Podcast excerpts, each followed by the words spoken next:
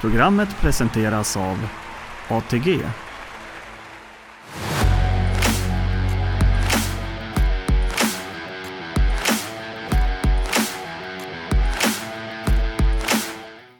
Hjärtligt välkomna till Hela potten, programmet eh, som ska göra dig till en vinnare på Grand Slam 75. Och på söndag ska vi till Rättvik och vi har fyra miljoner extra i potterna. Och med oss från Travronens Spel har vi Fredrik Lindman. Välkommen Fredrik! Tack så mycket! Och hur ser du på omgången i stort? Det är en rolig omgång och framförallt där när det är jackpot så blir det ju extra spännande. Då, då har man lite överseende med om det är några andra svagheter i omgången så att säga. Så att eh, ja, jackpoten väger alltid upp där.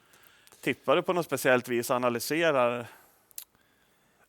Kanske inte analysera, men man eh, GS75 då, så när jackpot så har man ju jackpotpengar fördelade i alla potter till exempel. Då. Det är inte som på V75 eller V64 där alla pengar hamnar i i högsta pot, i, i, potten för 7 rätt då, eller 6 rätt och V86 är likadant. GS75 så är det i alla potter.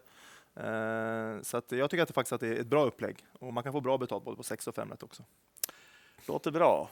Mm. Och Rättvikstravet, eh, är det något speciellt man bör tänka på där? Eh, nej, det är det väl egentligen inte. Mellanbana i Sverige, den är 1000 meter, den är rund, upploppet 187 meter, också ganska medium.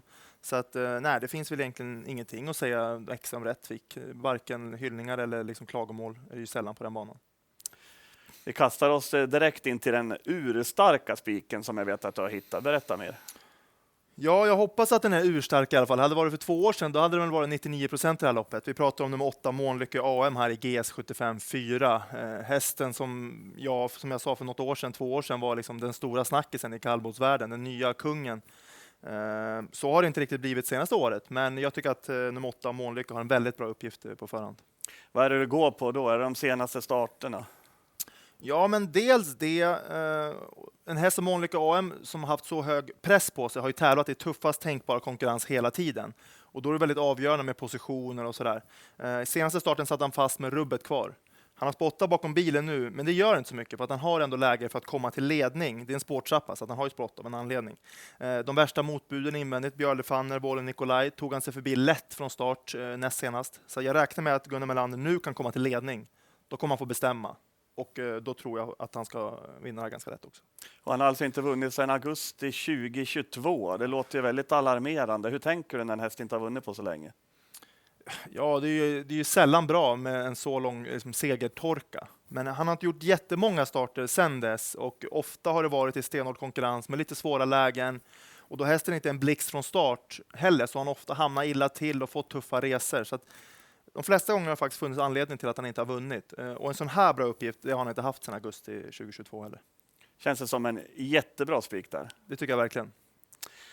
Med en sån här spik då vill vi ju kunna gardera friskt eller hitta drag som chansspika kanske. Var hittar du din första Grand Slam-häst? Ja, men jag tycker att vi har en, en rolig häst i GS75 3, nummer 4, Nine Points Winner, är min första Grand Slam-häst. Och Eh, då letar vi oss till Jörgen Westholm igen, Solvalla-tränare nu från Sala. Mm. Och eh, kastrerad inför förra starten, vad betyder det? Ja, men han tävlade ju, gjorde tre starter i början på karriären. Eh, en väldigt fin häst tycker jag, som kvalade på bra sätt, såg ganska fin ut i tävlingsdebuten också, men sen började det strula, eh, galoppera och sådär. Eh, sen fick han ett uppehåll inför senast, blev kastrerad då, alltså gick från hingst till att bli kastrerad. Gjorde första starten som vallack senast. Han gick med öppet huvudlag då också istället för helstängt. Han såg lite het ut innan. Han var lite hingstig säkert eh, de tre första starterna där och därför kastrerar man. Lugnare senast med öppet huvudlag och som vallack. Såg jättefin ut tycker jag. Hängde med lätt i ryggar utan att pressas. Så att han gick i mål med krafter kvar och såg fin ut. Så det här är en häst, eh, med tanke på det så är han väldigt mycket bättre än vad man kan se i raden bara. Jag blir ju lite nyfiken med det här kring vallack, om man ska vara lite specifik. Vad är det som kan bli bättre? Varför gör man det i regel? Ja, det är ju, det är ofta att de kan slå knut på sig själva lite grann just när de är hingstar, att de blir liksom lite hingstiga och sådär och liksom lite stressade framförallt är ju hingstar då, för liksom de vet inte om de vill hävda sig och har mycket testosteron och, och, och sådär. Så att eh, de slår knut lite grann på sig själva, liksom, framförallt psykiskt då, eh, när de är hingstar och därför kan de bli lite lugnare när de är vallacker och kunna fokusera bara på tävlingsbiten istället för att fokusera på, på allt som är runt omkring, andra hästar, ston och så vidare. Och jag vet att du har en till Grand Slam-häst och vi håller oss inom familjen. Hans R Strömberg har vi där. Berätta ja. om hästen du har hittat. Ja, hemmatränare Hans R Strömberg här, eh, GS756. Hans eh, stjärna kan man väl säga. Ex eh, CD här som har tjänat en miljon, hon är fyra år. eh, som jag tycker har en intressant uppgift här på, på söndag för att skrälla. Det är ett fyraårigt sto och nu möter Mm. hon äldre, både hingstar och vallacker. Hur resonerar du där? Ja, det är sällan fördel när man möter, alltså de äldre har ju ofta en, en, en tuffhet som de här yngre inte har. Samtidigt har ju de här yngre hästarna ofta en lite mer eh, entusiasmisk inställning till tävlandet kanske än vad de här äldre har. De är lite tröttare. Eh, Sarah CD är ju fyra år, om en månad lite drygt så är hon ju fem år. Då är hon ju, klassas hon ju som äldre också. Så, att, så här på hösten eller sent på året så tar jag inte så stor vikt när en fyraåring möter äldre. Hon fick ju tidiga pengar på sig, Sarah CD. Tycker du att hon eh, har det varit trögt och burit dem? Ja, hon var ju väldigt bra tidigt, eh, så, att så kan man ju säga. Sen har hon inte vunnit lika mycket lopp senaste året som hon gjorde första året på tävlingsbanan, men hon kvalade in till Storchampionatet till exempel i år här och det är väl en, eh, liksom, då är man tillhör, tillhör man de topp 12-15 bästa i kullen här. Så att, och jag tycker hon såg väldigt fin ut senast också med sparade krafter. Hon spurtade jättebra gången före som tvåa efter strul. Så att, eh, jag tycker hon faktiskt att hon har en väldigt fin form och precis li, eh, lite som jag pratade om med Månlykke där. Hon har en miljon på sig, Serava CD.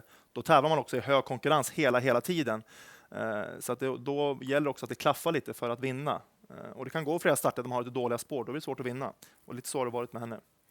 Nu har du lyft fram två Grand Slam-hästar. Är det någon av dem som du skulle kunna chansspika på ett system av dem, eller är det garderingsstreck?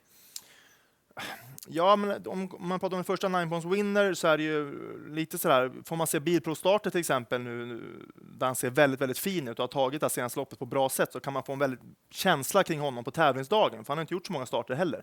Han har bara gjort fyra lopp. Eh, och ser man då att förra loppet satte sig rätt och han såg väldigt fin ut och kanske öppna bra bilprovstarter, då skulle det kunna vara en chanspik. Men eh, så här någon dag innan så tycker jag ändå att Serava CD det är nog kanske hon då på förhand. Hon har ett jättebra läge, hon är startsnabb. Jag vet att Hansel kommer köra för ledning. Kommer han dit så kör han där. Kommer han inte till spets så får han resa i främre träffen. Så att, eh, och då är hon lika vass bakifrån som en ledning.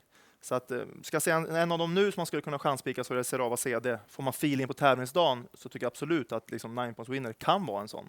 Eh, så att den är värd att hålla utkik på, på där. Då är det dags att sammanfatta tipsen från Fredrik Lindman. Och eh, bästa spiken är nummer 8 Månlycke AM med GS75 avdelning 4. Grand Slam-hästarna är 4 Nine Points Winner i GS75 3 och eh, 3 Serava CD i GS75 avdelning 6. Och då får vi tacka tittarna och eh, nästa söndag ska vi till Hälsingland och Bollnästravet. Syns då!